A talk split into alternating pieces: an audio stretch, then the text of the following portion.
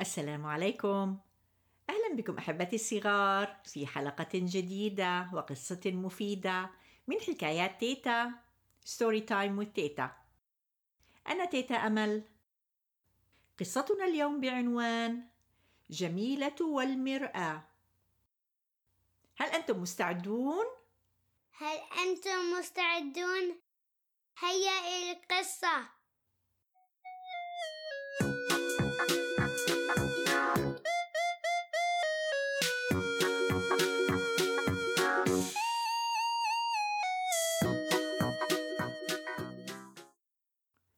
دخلت جميلة إلى غرفتها وقد فرغت من الاستحمام. ثم بدأت في ارتداء ملابسها وهي سعيدة. قالت جميلة قبل أن تضع ملابس النوم بسم الله الحمد لله الذي كساني هذا ورزقنيه من غير حول مني ولا قوة. نظرت إليها والدتها في سعادة وقالت اللهم بارك يا جميلتي الصغيرة. لقد حفظت دعاء ارتداء الملابس.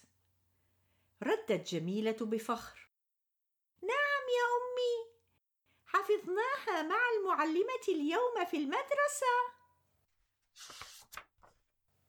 نظرت جميلة إلى نفسها في المرآة. بعدما انتهت أمها من تصفيف شعرها وقالت أبدو جميلة يا أمي أليس كذلك؟ قالت الأم نعم يا حبيبتي جميلة جدا. ما رأيك أن نردد معا دعاء النظر في المرآة أيضا؟ قالت جميلة وما هو دعاء النظر في المرآة؟ أجابت الأم. اللهم كما حسنت خلقي فحسن خلقي. فأجابت جميلة. وما معنى ذلك يا أمي؟ ما هو الخلق؟ وما هو الخلق؟ قالت الأم. الخلق هو شكلنا ملامحنا المتناسقة. عيناك الجميلتان. أنفك الصغير. شعرك الجميل.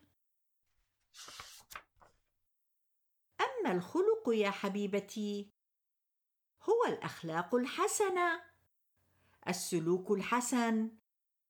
أن نقول الكلام الجميل الطيب للآخرين. أن نقول الصدق ولا نكذب. والا نسرق. فلا نأخذ ما ليس لنا. ردت جميلة بحماس. فهمت يا أمي.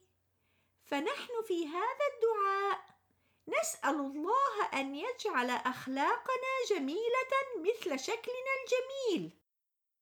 فنكون أجمل الناس. ضحكت أمها وقالت. نعم يا حبيبتي. المؤمن بحسن خلقه هو أجمل الناس.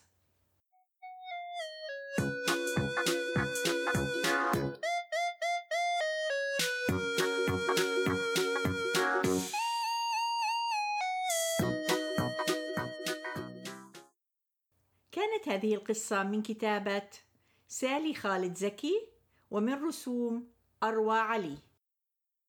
لقد تعلمنا دعاءين عظيمين في هذه القصة. هل تعرفون ما هذين الدعاءين؟